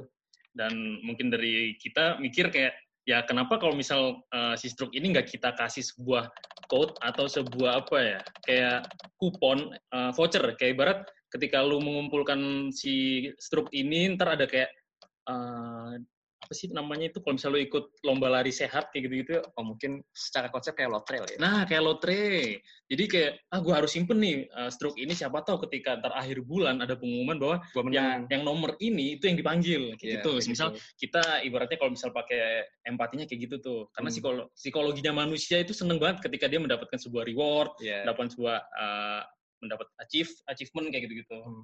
Atau itu mungkin kan ada gimmick-gimmick hadiahnya. Hmm. Kayak siapa tahu peruntungan waktu gue ambil stroke, gue Hmm. menang nih. Hmm. Tapi mungkin cara tergampangnya banget, ini kan sebenarnya ngomongin efisiensi ya. Hmm. Ya siapa bisa jadi malah ada sistem tiketing. Oke. Jadi Iya, iya, waktu iya. lu masuk tol, Mm-mm. lu harus ambil strike itu sendiri. Buat nanti keluar tol, lu harus pakai strike itu lagi. oh Kayak biar- sistemnya MRT Ya, atau iya. KRL kan kayak gitu kan, harus tap in Hmm. tap out. Yap. Soalnya kalau misalnya ngomongin soal pembedahan dari ide-ide temen ini, ini nggak ada yang salah. Iya iya. Ya kan, ini nggak ada yang salah. Kalian maksudnya yang tadi aku bilang, efisi- efisien buat bikin sesuatu itu karena ada teknologi. Mm-mm. Cuman waktu kalian pakai ide-ide ini ke metrik yang di atas, yang di sini, Mm. misalnya katakanlah eh, bikin struk digital, Hmm. oke itu impactful secara brief di mana kita sampahnya bakal benar-benar hilang. Yeah. Tapi apakah itu gampang? Tentu enggak dong. Karena kan butuh coding. Dan butuh apa Betul. SDM SDM yang cukup kompeten untuk membuat sistem-sistem kayak digitalnya scan kayak gimana, terus kalau misal apakah ini nggak nggak rawan penipuan kayak gitu-gitu. Ya mungkin gitu. Kayak misalnya email juga kan berarti kalian butuh server sendiri. Hmm. dan yang lain. Impactful iya, tapi enggak. Terus kalau misalnya ngomong soal sosialisasi, yang tadi lu Swin, itu so-so dan so-so dan gampang Iya sebenarnya. iya iya. Jadi Tapi dia gampang, works? tapi nggak works itu. apakah impactful? Jadi ini mungkin stok aja. ya. Siapa tahu kita lebih bikin si sosialisasi ini lebih menarik lah, sosialisasi. Hmm. Terus kalau misalnya tadi tiketing juga sebenarnya impactful, Hmm. tapi nggak terlalu gampang juga nih gitu. Hmm. Siapa soalnya kan lu ada budget yang harus lu keluarin dan Hmm. lain-lain. Cuman kalau ngomongin soal tiketing, Hmm. ya itu gampang gitu lu. Udah mesinnya udah ada, Mm-mm. mesinnya udah selama ini selalu ngeluarin. Hmm. Lu tinggal lu maksa orang buat ngambil itu sebenarnya Hmm. buat bisa keluar. Itu gampang, Hmm. impactful ya udah sikat aja Ya. kayak gitu. Ini Orang tinggal apa ngumpulin eh ngumpulin, nyimpen tiketnya biar nggak hilang, ntar Iya. waktu keluar dikasih lagi. Udah gitu doang kan. ya katakanlah ini skemanya mungkin apa ya studi kasus yang singkat ini gitu. Ah, ah. Sorry kan soalnya gara-gara apa ya terbatas sama waktu juga. Hmm. Cuman kayak ini Sun, ideasi. Yang ya. Ideasi, ideasi, ideasi. Nah, cuman dari tadi proses kita brainstorming yang mungkin langsung ke ideasi, kalian bisa ngasilin ide tuh lumayan banyak gitu di sini. Yang itu juga beberapa orang doang kan yang ngomong kan. Mm-mm. Bisa jadi itu banyak banget gitu. Tinggal kalian tempel-tempelin ke matriks tadi, oh ternyata kita bisa nge-generate ide banyak banget nih loh di Yoi. setting ini. Mhm. Nggak nyampe 10 menit kan tadi kan. Hmm. Udah ada kayak scan digital, bikin of print, sosialisasi, email, loteria, tiketing, dan Hmm. teman-teman yang lain tadi belum ngomong juga gitu. Mhm. Jadi sebenarnya fungsi dissentingnya adalah ya kalian waktu brainstorm itu benar-benar lempar ide apa pun aja gitu. Nah, nah. Sampai nanti kalian tahu materi ini yang mana kalian pengen selesaiin duluan, apa yang enggak works ya udah buang aja. Hmm. Kayak gitu sih sebenarnya. Dan yang kita senang adalah nggak ada yang ngomong kayak gini, Swin. Iya iya iya iya. Tempat Soalnya sampah. tempat sampah, Bro. Soalnya ini soalnya cok ya efektif, tapi Heeh. beberapa waktu doang. Hmm. Udah penuh, ada angin, Nah, udah hilang. motor-motorin lagi. Motor-motorin lagi. Jadi itu sebenarnya fungsi kayak Meskipun gitu. easy tapi nggak impactful. Yoi, bro. Sama kayak sosialisasi. Yoi, bro. Sebenarnya kayak gitu. Ya udah. Jadi kayak gitu. Nah, ini masuk ke tips yang tips selanjutnya yaitu ketika tadi ngomongin efisiensi dan bla bla bla, gue pengen nyampein mungkin eh, ketika lu membuat sesuatu atau apa pun itu mungkin sesimpel lu konsisten dengan apa yang lu bikin, tapi banyak orang yang eh, anjir gue udah bikin ini tiap minggu gue mau produksi. Ini kita misal konteksnya adalah membuat sebuah sesimpel konten lah, sesimpel konten kayak gitu. Jadi eh, dalam seminggu gue udah bikin, minggu depan gue bikin kenapa ini nggak naik naik ya, kenapa ini nggak nggak mungkin nggak muncul di permukaan kayak gitu gitu. Mungkin eh, kita miss yaitu namanya persistensi. Beda- Yang membedakan konsistensi dan persistensi adalah persistensi itu ibarat ketika kalian sekarang bikin dengan effort 10%, eh, minggu depan kalian bikin 20%, minggu selanjutnya 30% dan selalu meningkat kayak gitu-gitu. Dan itu lantar ujung-ujungnya masuk ke sustainability.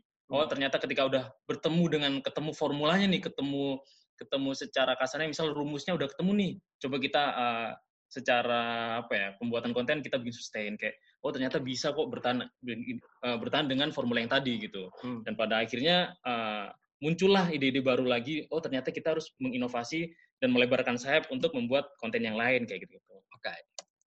nah ini juga kemarin gue ketemu dengan seorang yang cukup keren juga ya dengan Om Denis gue amazed juga ternyata gue pertama impresi gue melihat orang ini oh dia seorang aktor udah cukup gitu. Tapi ketika gue uh, jadi kemarin gue ketemu untuk keperluan podcast di Freunden Podcast. Jadi ketika setelah gue ngobrol bla bla bla si Om Denis ini ternyata seorang bisnismen gitu dan orangnya sangat-sangat terukur ketika dia dan dia selalu bilang "Eh, coba gue bisa balik lagi ke usia gue 20-an ketika gue umur 22 atau 2 sampai 25 gue pengen ngomong ke diri gue sendiri bahwa uh, financial planning itu penting untuk uh, ngatur duit-duit dan bla bla gitu. Dan ketika dia udah kembali ke masa sekarang uh, dia selalu bilang ke gue dan Frankie waktu itu ngomong kayak eh, ketika kita konteksnya ngomongin bisnis ya lu jangan cuman satu gitu. Karena eh, asal yang kalian tahu aja Om Denis juga dulu punya layar ya terus kayak punya sekarang tuh rombak media yang isinya tuh eh, kalau kalian tahu di YouTube tuh ada Kobisa. Itu jadi salah satu apa ya anaknya subnya dari rombak media itu gitu. Terus ada lagi dia bikin eh, kart, kart- ke kartun. Eh aduh sorry. Keratun. Nah, jadi dia emang sengaja tuh waktu itu bilang ke gua sama Frankie ya bikin aja yang banyak sekalian gitu karena dari 10 mungkin eh, yang akan bertahan paling cuma dua atau mungkin cuma ya tiga atau satu gitu. Jadi jangan jangan langsung kayak wah udah Takut gitu ya. takut dan mungkin udah satu dulu satu dulu gini-gini jangan nambah-nambah gini-gini. Ya menurut gua eh, itu untuk jangka panjangnya mungkin bisa dipikirkan lagi gitu. Karena kalau cuma satu ya jatuhnya ntar kalau misal satu itu gagal ya udah tidak ada backup. Jadi kita bakal tutup sama satu quotes dari Seth Godin. Dia Godin bilang, siapa tuh ya? Adalah orang pintar, bro. Percaya jadi orang pintar. Ya udah, gue Saya udah ter- tergolong namanya, bro. Yoi. Jadi dia bilang, whoever fails the most win. Hmm. Jadi intinya kata dia Asim bilang, nggak usah takut gagal untuk bikin sesuatu. Entah itu bisnis, entah itu startup, entah itu kolektif. Hmm. Karena di sini katakanlah gagal ini adalah bukan gagal yang benar-benar gagal gitu. Hmm. Kayak di pikiran orang soalnya, terutama orang Indonesia waktu ngomongin soal kata gagal, itu udah pasti bangkrut. Kayak di penjara, Ya, ya, ya, ya. perceraian dan lain-lain tapi gagal tuh sebenarnya nggak kayak nggak seserem itu juga Nah, kayak ada mungkin gagal kecil-kecilan di mana mungkin lu cuma rugi ya, atau ya. sebenarnya gagal yang apa ya jadi si mindset itu coba ubah waktu ngomongin soal gagal itu adalah gagal yang kalian bisa belajar Ya. kebetulan kayak gitu sih sebenarnya jadi siapa pun yang gagal paling banyak itu berarti mereka lebih banyak belajar gitu di si apa ya, Kalau di si lapangannya kalau si- menang tuh Panji Pragiwaksono tuh pernah ngomong yuk eh, abisin jatah gagal kalian mumpung masih muda. karena Kayak gitu. yang lebih Apa? Sedikit yang lebih baik sedikit lebih be- eh, beda lebih baik daripada eh, lebih baik sedikit.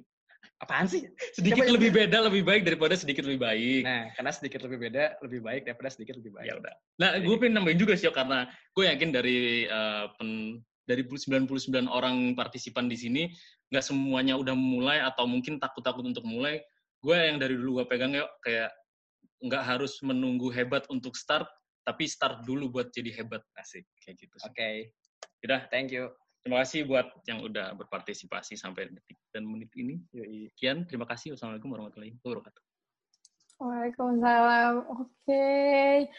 Menurut aku dan teman-teman webinar di sini, tadi kakak-kakak keren banget quotes-nya ditutupnya tadi tuh. Bakalan kita kutip dan kita ingat. Dan nanti itu kita tampilin di Instagramnya Miti ya. Karena kita setiap Senin ada motivational quotes gitu. Jadi gitu. tadi quotes dari kakak bakal kita kutip. Emang anak muda sekarang butuh quotes kayak makanan sehari-hari quotes. Dan kebetulan tadi juga banyak banget yang jawab pertanyaan kakak. Dan tadi ada yang benar. Yang benar itu dari Mas Ari. Dari Mas Ari juga jawabnya benar. Siapa tuh? Siapa Ari? J. Siapa tuh? Iya, nggak jawabnya benar tadi. Kayaknya pernah Jadi sempat membuat heboh jagat raya chat Zoom meeting ini tadi. Soalnya jawabannya benar. Emang itu kita nyuruh mereka buat enggak? Enggak, enggak, enggak.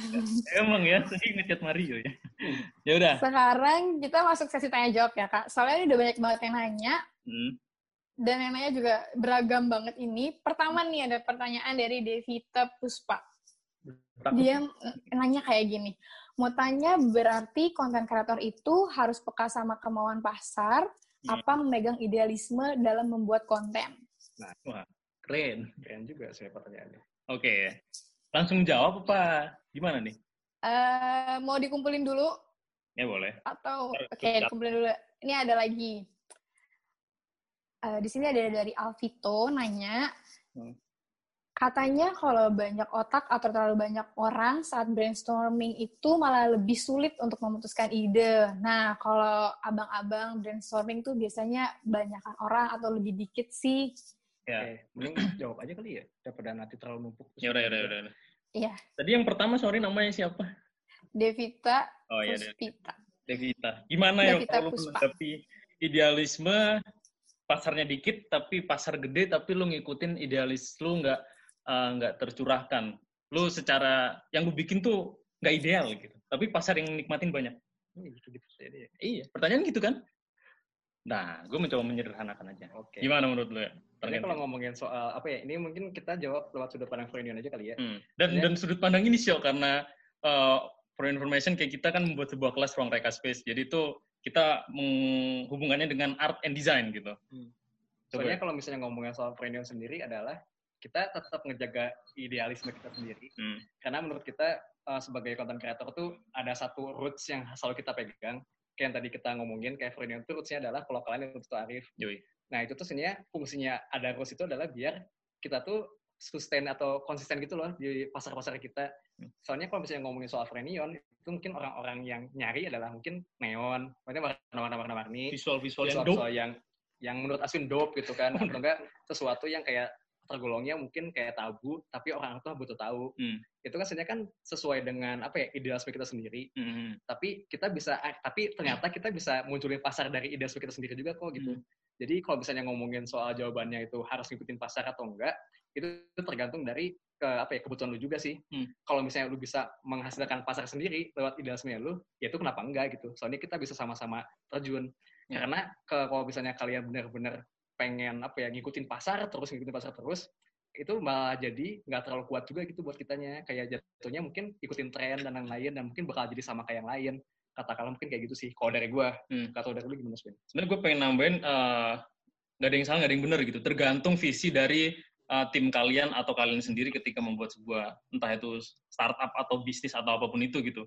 Karena setahu gue kayak eh, beberapa kali gue mendengerin podcast podcast yang orang yang sudah orang-orang yang sudah cukup eh, memegang banyak bisnis atau memegang cukup banyak usaha yang dia udah kerjain cukup Ada. lah ya cukup bisa dibilang kalau misal uh, kriteria sukses itu udah cukup sukses. Hmm. Dia malah justru ngambil dua-duanya gitu. Jadi ketika misal nih gue udah uh, ketika gue udah di usia mungkin 40 atau berapa ya 50 gitu, ya kalau dua-duanya ini menghasilkan cuan, kalau misal kita hitungannya uh, ngomong secara materi ya, Hmm. ya gue mau ketika gue menciptakan produk, ya udah yang ngikutin pasar gitu. Kayak misal gue jual kain atau apa pun itu ya tanpa brand, tanpa merek, tanpa apa, yang penting laku nih. Hmm. karena itu menjaga tiap bulan gue dapat gini gini gini. Atau gue menciptakan konten ya ya udah karena banyak juga orang yang ngerti mungkin di luar sana. Kayak misal akun-akun Instagram itu gue baru tahu kemarin juga sih kayak ada orang tuh isinya cuma re-upload re-upload re-upload kayak gitu gitu tapi ketika followersnya udah sepuluh ribu dua puluh ribu itu dijual kayak gitu gitu itu kayak membuka pikiran gue sendiri anjir ini ternyata juga uh, ladang cuan juga nih ketika lu bisa membaca sebuah apa ya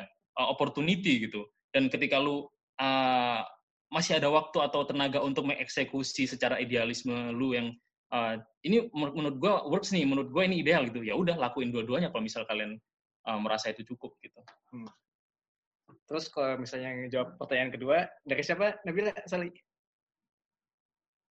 Dari Alvito. Nah, kalau misalnya dari Alvito Dari Alvito banyak tadi- otak itu susah nih mutusin buat ide nih. Hmm, Soalnya kalau misalnya menurut kita enggak, karena uh, waktu brainstorming adalah itu salah satu sesi di mana sebenarnya semua orang berhak buat menyuarakan pendapat dia atau Hmm. idenya dia.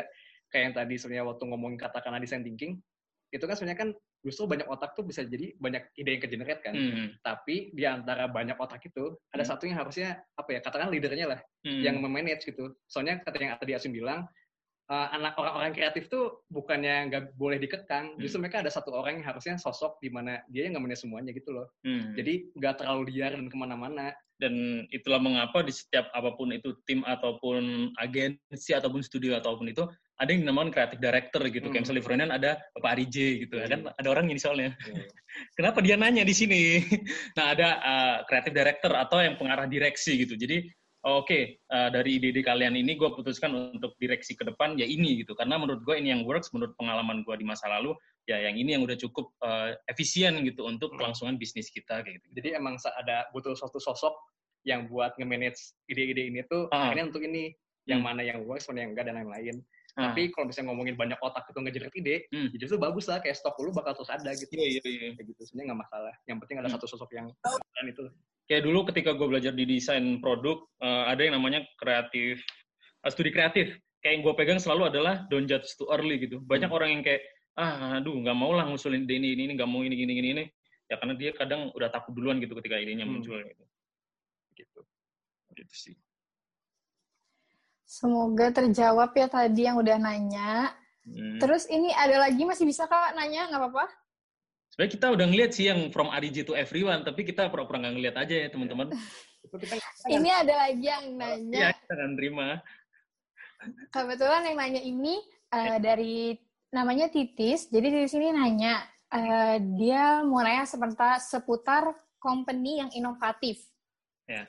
Eh, di sini dia bilang misalnya eh, ada nggak tips atau dari kakak nih tips-tips dari kakak kalau misalkan dalam prosesnya itu ada leap of faith-nya Oh iya. apa yang bisa kita lakuin buat tetap steady online kayak gitu. Soalnya menurutnya Titis ini eh, sulit rasanya untuk ngebangun itu di dunia teknik karena kebetulan dia anak teknik. Oke, Nah tuh ya. sikat sih. Lu disikat ke gue sih. Biarin. Tadi gue udah jawab pertanyaan. ya udah ya udah udah. Eh, tadi ngomongin apa? Leap of faith terus Iya, Ah, apa? biar Kayak- tetap emang- steady online gitu. stay di online tuh masih gimana sih? Eh, di sini ngomongnya apa yang bisa kita lakuin buat tetap steady online, apalagi misalnya di dunia teknik gitu. Oh, di stay dunia- di line gitu. Iya gitu, biar tetap Oh. Steady, steady. Oh, Steady, satu jalur gitu maksudnya. iya. Kan lu anaknya teknik banget, Win. Enggak juga sih. Sebenarnya kalau misalnya tadi gue udah ngomong kayak yo eh, kita bergelut selama ini tentang apa itu art sama desain kayak gitu gitulah. Hmm. Jadi ketika lu ngomongin misalnya kita konteksnya adalah membangun sebuah bisnis atau apa pun itu kan eh, ada hal-hal yang memang nggak terukur dan ada yang terukur gitu secara apa ya tangible dan nggak tangible eh, iya kayak nggak terukur kayak gitu. Ya udah cari faktor-faktor yang terukur dan ada matriksnya. Jadi eh, itu bisa dijadikan apa ya diskusi bareng bersama tim atau kelompok apakah ini uh, momen kita untuk keluar dari zona nyaman nih. Ini saatnya kita inovasi. Apakah modal kita cukup? Apakah gini gini gini gini kayak gitu. Dan itu balik lagi ke pertanyaan yang sebelumnya ya. Harus ada orang yang memutuskan untuk oke ini lanjut. Oh oke kita mending uh, pindah haluan kayak gitu gitu. Atau enggak paling buat ngebantu si pertanyaannya kayak dari pengalaman lu, Win, Hmm. yang banyak banget itulah gitu yang sampai terlihat terukur itu. Enggak juga sih. Ada satu momen leap of faith-nya lu tuh dari mana sih gitu aja sih. Ya kalau misal gue nih misal hitungan di kehidupan pribadi gue ya leap of faith gue bekerja di kantor gue yang sekarang. Karena uh, waktu itu gue mikir oke gue bisa nih hidup dengan idealisme gue yang menur- menurut gue ini udah cukup uh, bisa menghidupi gue gitu. Hmm. Tapi ternyata tidak. Ada yang dibutuhkan di mana uh, modalnya adalah relasi, modalnya adalah experience, modalnya adalah uh, secara materi juga dibutuhkan kayak gitu-gitu. Jadi yang gue bilang tadi ada yang terukur atau tidak, yaitu uh, ada beberapa yang terukur. Misal secara materi itu, gue emang kalau ketika waktu itu membuat sebuah bisnis atau apa pun itu, ya emang belum ada duit gitu. Ya emang saatnya gue untuk mengumpulkan experience, mengumpulkan apa pun yang gue entah ke depan gue akan menjadi seorang seniman atau menjadi seorang apa pun itu ketika gue udah punya modal secara materi, secara experience dan bla bla itu, gue udah cukup yakin untuk leap of faith gitu, untuk meloncat uh, terjun bebas lah kayak gitu. Karena kalau misalnya nambahin tadi soal Aswin, kalau ngomongin soal leap of faith kan sebenarnya nggak apa ya, nggak bisa lu ujuk-ujuk leap of faith tanpa persiapan apa pun. Iya kan? iya. Karena kalau misalnya lu ngomongin soal kayak gitu tuh, itu bakal jadi useless juga gitu. Kayak lu nggak punya persiapan apa-apa, Hmm. mendadak lu pengen berubah total gitu loh direksinya tentang Hmm. apa pun itu ya. Hmm. Itu malah jadi nggak wise juga gitu, nggak bijaksana buat keputusan hidupnya lu. Ah, Kayak soalnya kayak gitu sih sebenarnya. Jadi kalau misalnya tadi Aswin tuh mungkin apa ya dia mencoba menjelaskan kayak lu tuh harus tahu dulu nih apa yang terukur sama enggak secara experience sama materi kalau misalnya udah cukup aman nih Hmm. ya udah lu boleh boleh di faith gitu. Kayak gitu sih sebenarnya kurang lebih kayak gitu. Semoga titis terjawab ya. Min. Oke, jadi kan kebetulan kita kan ini ya kak live YouTube juga nih. Ada teman-teman yang komen di live chat kita nanya, Nah. nanya eh, kayak gini.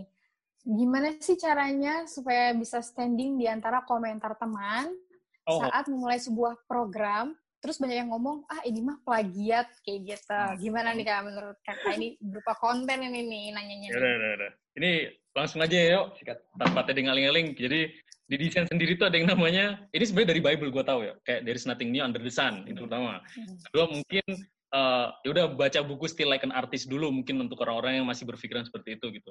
Dan ketiga mungkin saran gue ya, ya bikin aja, biarin orang-orang ngomong apa pun itu. Banyak orang yang mungkin tidak kompeten maupun kompeten untuk ngekritik lu, tapi ya ya udah sikat aja dulu gitu. Karena menurut gue lu dikasih dua telinga dan dua tangan ya untuk nutup telinga itu.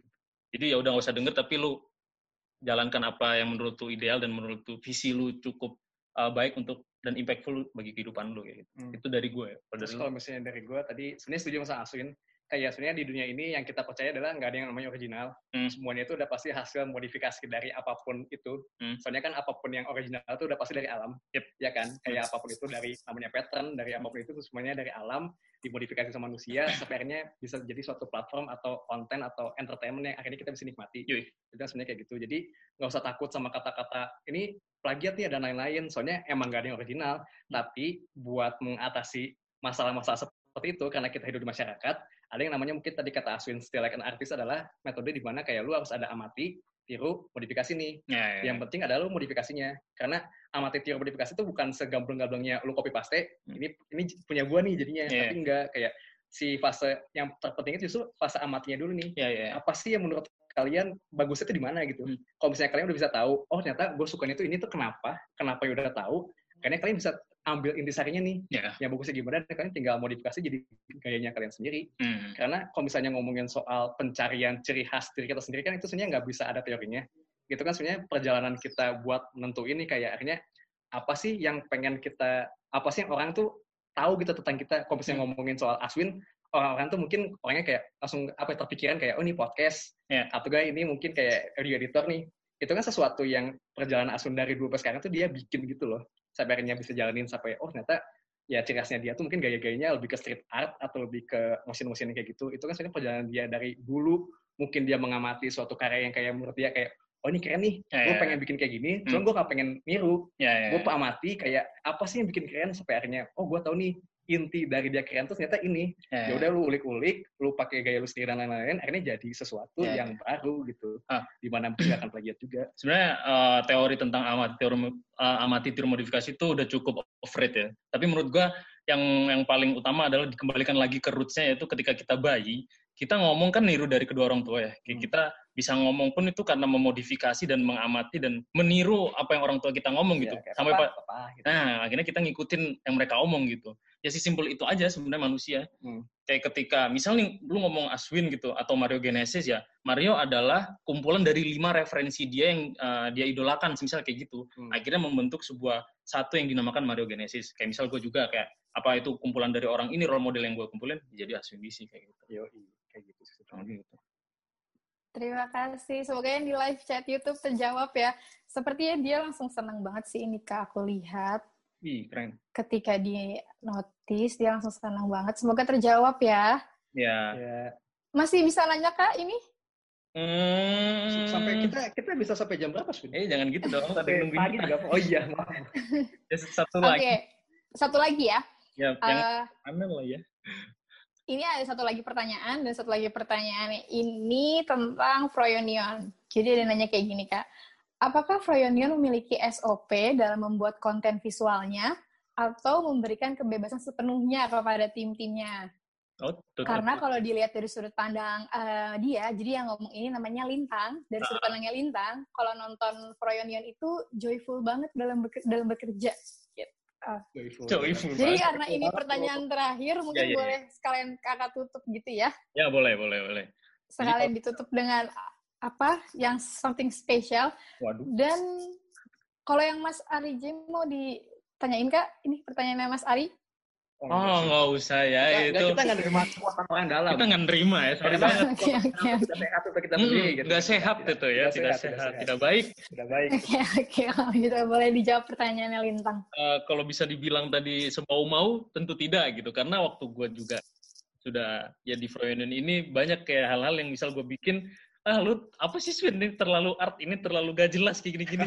ya udah gue akhirnya masuk ke SOP-nya Froyonen lagi. Tentu pasti ada SOP-nya ketika lu udah ngomongin sebuah entah itu konten kreator yang hitungannya udah bisnis kayak gitu-gitu. Pasti ada. Kecuali lu ya barat seniman dan lu kerja untuk diri lu sendiri gitu. Ya udah semau mau aja. Untung nggak untung eh, ngerugi ngerugiin apa enggak kayak gitu. Gitu. Kalau lu?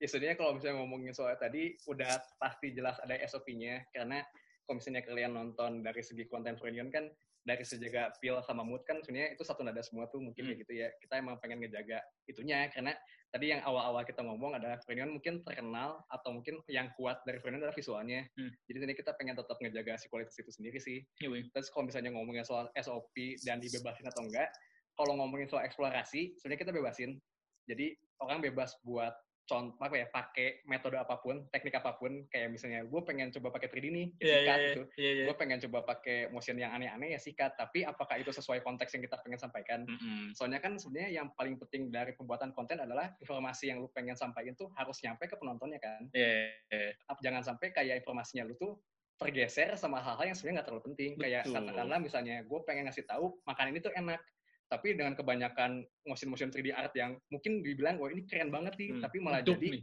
nutup informasi utamanya. Itu sebenarnya nggak bisa juga kayak gitu kan. Ibarat kalau misal makanan ini yang gulanya kebanyakan gitu, Gulanya manisan gitu juga nggak enak gitu. ya. Iya. Jadi bener kata Hindia secukupnya. Secukupnya bro kayak gitu. Ini karena gue sedikit panik karena Bapak Ari aja ngomong di komen, awas lu ntar uh, di review tahunan gue tanyain. Udah itu aja sih. Terima kasih buat teman-teman udah Ya, thank you banget buat yang udah berpartisipasi selama Maret ini. satu jam ini lebih ya.